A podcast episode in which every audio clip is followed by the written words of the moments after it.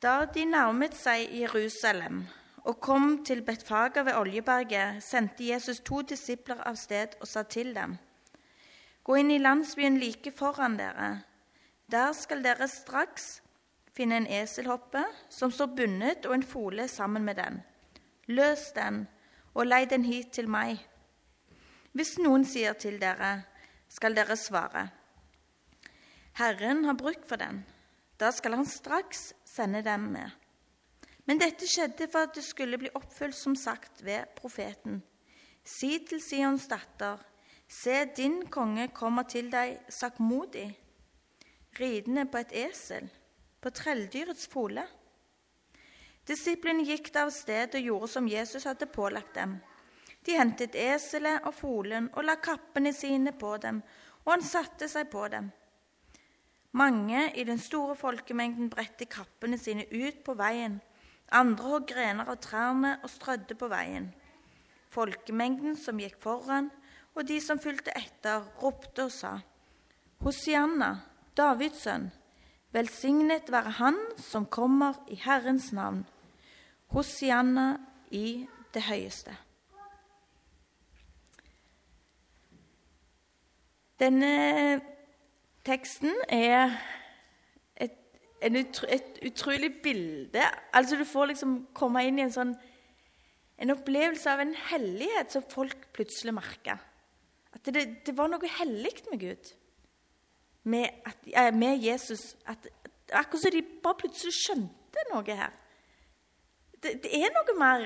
Det er ikke noe bare å diskutere hvem er han, og hvorfor klarer han helbrede og dette. Plutselig så kommer du akkurat som du kommer inn i en sånn hellig tid.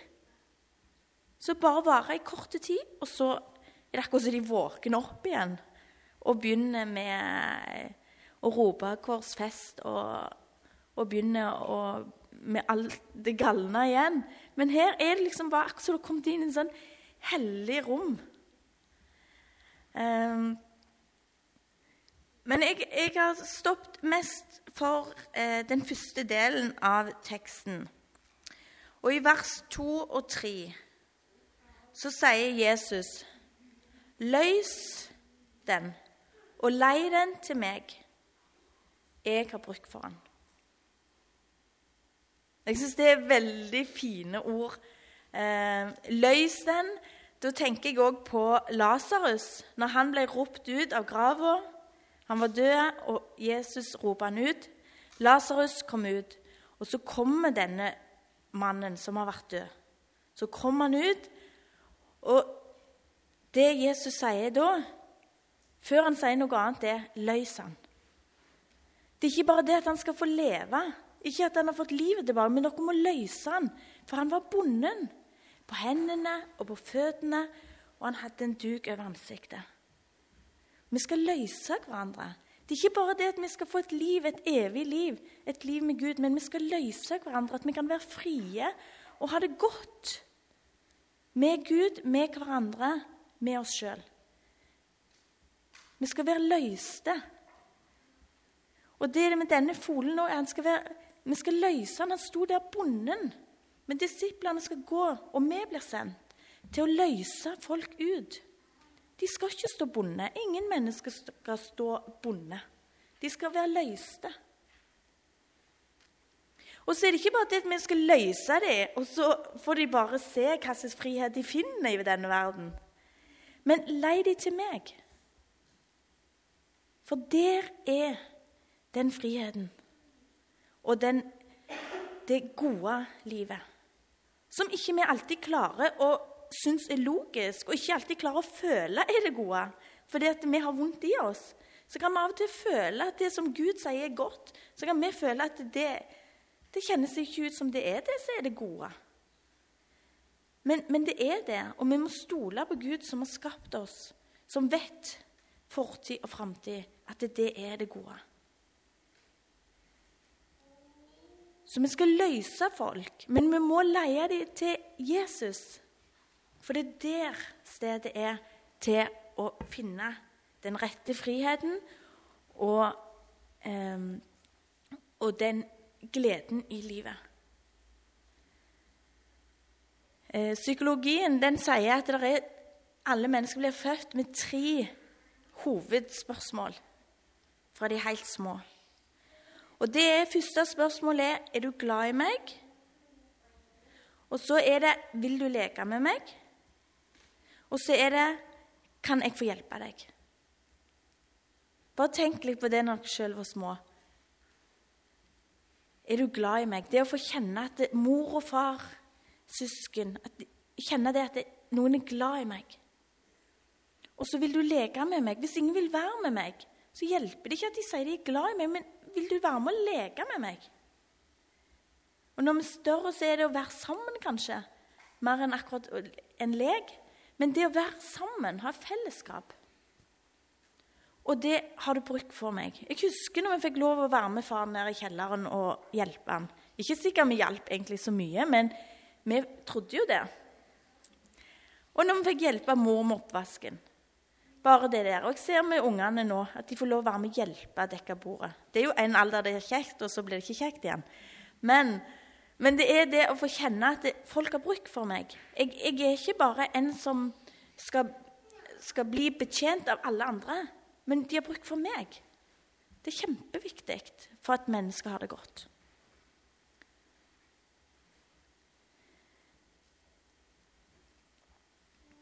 Og det som er da med denne eselfolen, det er jo at det, den eselfolen den, eh, De som var der, de så på den som noe ubrukelig. Eselfolen var noe ubrukelig. Det var noe som ikke vi skulle bruke ennå. Han var ikke brukt ennå. De hadde ikke ennå sett at den var noe å bruke.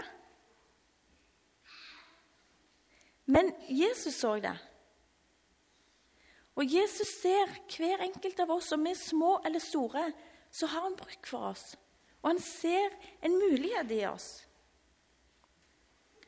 Og denne var en uerfaren eselfole. Han var noe som folk så som ubrukelig. Men det som òg er bra med han da, det er jo at han ikke stoler på seg sjøl. Og han tar ikke æren sjøl. For det har vi lett for å gjøre når vi har begynt å få litt erfaringer og begynt å bygge opp et liv over det vi kan og ikke kan. Så begynner vi å stole på oss sjøl og våre egne erfaringer istedenfor å satse på Gud og stole på Han.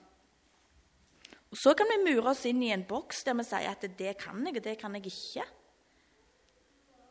Og så kan det være Gud egentlig ville. Når vi var 50, så skulle vi begynne med noe annet og gjøre noe annet som aldri pleide å gjøre, og aldri kunne tenkt at en ville klare engang når en var 20.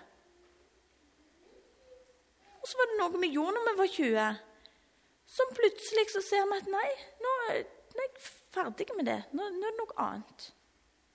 Hele livet så skal vi være bevisste på at Gud, Gud vil aldri sette oss i en boks og si sånn er Janne, det er det Janne kan, og det er det Janne skal gjøre. Gud vil ikke sjøl være i en boks, og han vil ikke ha menneskene i en boks. Fordi vi lever hele veien, og vi utvikler oss. og Det er ting vi skal satse mer på der, og andre ganger der. Og Derfor er det så viktig å ha den kontakten med Gud. Hva vil du nå, Gud?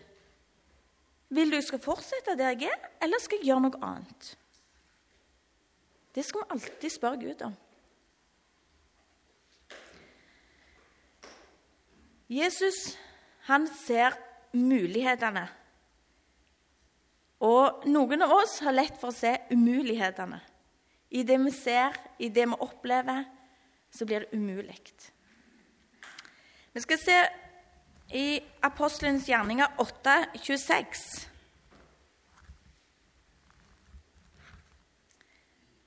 Apostelens gjerninger 8,26. Der har eh, Philip reist til Samaria og begynt å evangelisere. Og det er mange som har blitt kristne. Veldig mange. Og så står han der midt i en stor vekkelse i Samaria. Og så sier Jesus Men en Herrens engel talte til Philip og sa.: Bryt opp og dra mot sør, på den vei som går ned fra Jerusalem til Gaza. Denne veien er øde. For et budskap! Der står han midt i en stor ting, en stor vekkelse. Og så sier Gud, nå skal du dra til et øde sted. Jeg tror ikke han forsto så mye av det, men han gjorde det. Og der var det en mann som Gud så trang han, som han fikk lede til Jesus. En mann. Og han sto i en stor vekkelse. Men det å være eh, Der kunne han sagt at det er helt umulig. Det er helt umulig å gå nå. Jeg står midt i en nekkelse her. Det er masse ting som skjer. Det er helt umulig for meg å dra ned der nå. Men han var lydig. Og i Esters bok 4.14 Hun så eh, Hun så det umulige. Hun var nå blitt dronning. Hun hadde en stor posisjon, og ikke, det var regler for hva hun hadde lov til og ikke lov til. Og hun hadde ikke lov å gå inn til kongen når hun ville. Hun skulle vente til hun ble ropt, kalt inn. Men det var en mulighet for at hvis hun gikk inn, og han ga henne eh, septeret, så var det greit. Men, men, det var, men hvis ikke, så kunne hun bli drept. Selv om hun var gift med han, så kunne hun ikke bare buse inn. Men så sier han eh, fosterfaren at de sender bud, eh, og det er mye som skjer rundt det. Eh, og han sier at hun må gjøre det, og hun sier at det går jo ikke an. Det, det er jo helt umulig. Jeg kan jo bli drept. Jeg er jo dronning så ser hun det umulige. Fordi at jeg er der, og jeg er plassert der, og jeg har fått den rollen. Så kan ikke jeg gjøre det. Det går ikke, det. Men så snur Mordekai det helt på hodet. Så står det Du må ikke tenke at du alene av alle jøder skal slippe unna fordi du er i kongens hus. For om du tier stille i denne tid, så vil det nok komme utfrielse og redning for jødene fra et annet sted, men du og din fars hus skal omkomme. så snur han på hodet sier, hvem vet om det ikke er nettopp for en tid som denne at du har fått dronningverdigheten? Hun så det umulige i at hun var blitt dronning. Og så snur Mordekai det helt på hodet og sier han, det er kanskje akkurat derfor du har fått dronningverdigheten. Akkurat derfor.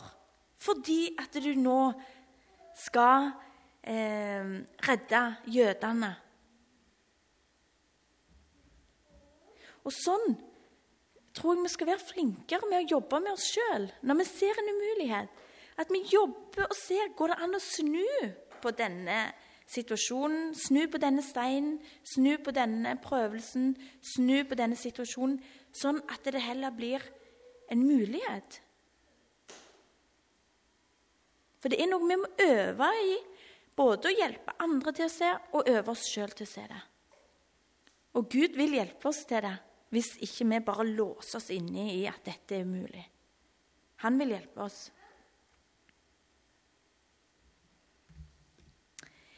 I Tanzania, så, eh, for så vidt i Kenya òg, så har du tre muligheter hvis du har en bruskasse. Hvis du har skaffa deg på en eller annen måte en bruskasse, så har du tre muligheter. Du kan gå og så selge den bruskassen. Eh, og så kan du få penger for den. Og så har du penger. Eller så kan du bare sette den vekk. Se hva du skal gjøre med den. Så bare står den der. Ingen, egentlig ingen verdi. Han bare er der. Du har en, men han, har, han hjelper deg ikke med noen ting. Men så har du den siste muligheten, og det er at du kan begynne å leie ut denne bruskassen. Du kan faktisk lage en bedrift med å ha en bruskasse. Fordi det koster innkjøp i å kjøpe kassen med flaskene. Og når naboen skal ha en fest og trenger brus, så kan han bare leie den kassen. Og så kan han gå og fylle opp med brus. Og når han har drukket opp rusen, så leverer han kassen tilbake igjen. og så har du en bedrift. Og det er en sånn altså For oss så er det eh, utenkelig å lage en bedrift av noe sånt. Men, men, altså Og det kan vi se så tydelig i Afrika. Noen har en utrolig syn for hva du kan se en mulighet i, noe du kan tjene på, noe du kan bygge opp eh, en bedrift av. Mens andre kan sitte der og ikke klare å komme i gang. Og så kan vi hjelpe hverandre. Men der er det veldig tydelig, for det er sånn materielle ting ofte. Men jeg tror at vi kan slite sjøl òg, med å bruke oss sjøl i menigheten og i det kristne fellesskapet, i eh, evangelisering og i nabolaget. Så kan vi hjelpe hverandre. For noen er flinkere å se muligheter, og noen trenger noen nye ideer.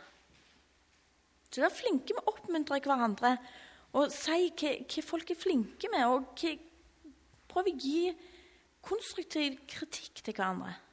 Sånn at vi kan bli enda bedre i å jobbe i Guds rike. Det tror jeg er kjempeviktig. I vers 4 og 5 men det skjedde for at det skulle bli oppfylt, som var sagt ved profeten. Si til Sions datter, se din konge kommer til deg. Sakkmodig ridende på et esel på trelldyrets fole. Det høres liksom så enormt kontrast ut. Se, din konge kommer. Da er det liksom bare du bare tenker Wow! Konge. Krone. Eh, hest slott Altså, Vi tenker sånn Se, den konge kommer. Det blir liksom så majestetisk. Og så er det sakkmodig, ridende på et esel på trelldyrets fole. Jesus han unte seg ikke det som vi så han verdige til en gang. Ikke det som vanlige folk var verdige til. Altså Hvis de skulle ri, Altså, han, han unte seg ikke Hvorfor gjorde han ikke det? Han unte seg mindre enn det som var normalt å unne seg hvis du hadde mulighet. Han valgte venner, disipler. To av de svikta, og én kom aldri tilbake igjen.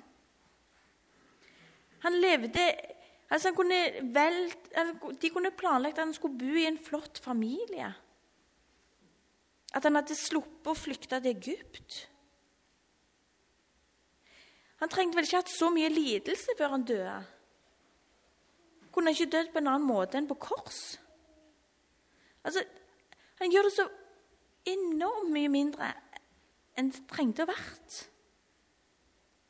Han spanderer liksom ingenting på seg sjøl. Og så tenker jeg Hvordan er det vi lever? Vi som kristne, er det det folk ser på oss? At vi spanderer på oss mindre enn det som er normalt? Eller unner vi oss masse?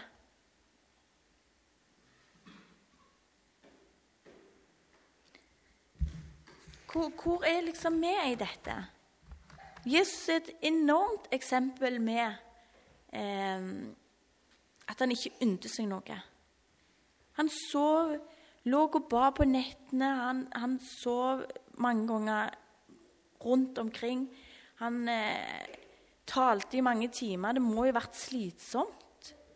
Eh, og han ble nok sulten, han òg, når de 5000 andre var sultne. Men han unte seg så lite. Det var liksom ikke at nei, nå, vi, nå, kan vi spandere på oss en ferie, for nå har vi jammen jobba, altså. Det var, det var liksom ingenting.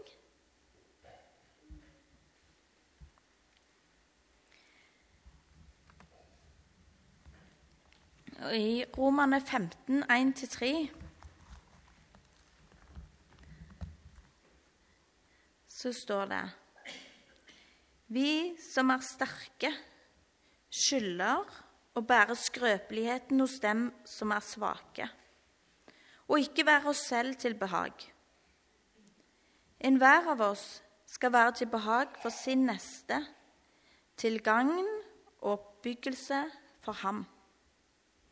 For heller ikke Kristus levde seg selv til behag.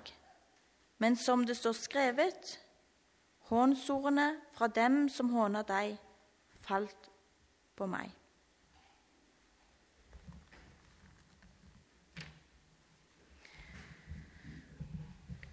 Og så til slutt kappene. Det fineste plagget de hadde. Det som liksom virkelig var. Vi husker historien om Josef som fikk den fine kappen. Liksom Kappen, det som var liksom det flotte på drakten. Det la de. Så Jesus ned på bakken og oppå eselfolen. Tenk å legge noe av det fineste du har, ned på bakken for at Jesus skal få gå på det. Ser vi liksom hvor stor Jesus egentlig er, og hvor hellig han er? Hvor stor han er. At det vi har, det fineste vi har, det er liksom bare verdig til at Gud kan gå på det. Det er en utrolig sånn Tenk det fineste du har, det, det som du er aller mest glad i. Og legge det fram for Jesus, så han kan gå på det. Så stor er Jesus. Og det var det de liksom skjønte akkurat nå. Og Det er helt utrolig at denne forsamlingen, mange av de som var her, var òg de som ropte 'korsfest' seinere. At det, det, her står de og roper. Det er liksom akkurat som de plutselig har skjønt det. Hosianna, Davids sønn, velsignet være han som kommer i Herrens navn. Hosianna i det høyeste. Og det kom liksom en sånn bevegelse, en sånn om i hele Jerusalem. En kjempeby.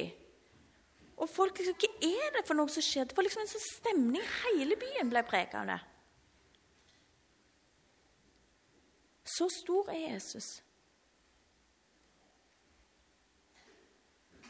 Men allikevel så spanderte han ikke noe på seg sjøl. Skal vi be. Kjære Jesus, takk for det livet du levde for oss her. Takk for det som du har lært oss med alt det vi har i Bibelen. Og jeg ber om at vi må ta det til hjertet og la det få prege oss, Jesus, så at vi får leve ut ditt ord og din vilje i våre liv. Jeg ber for misjonssalen i Sandnes. Jeg ber om at du må velsigne de som går her, de som kommer innom, de som er, er i styrer, de som er med i forskjellige arbeid som er knytta hertil. Foreninger. Jeg ber Jesus for alle ber om at du må velsigne arbeidet.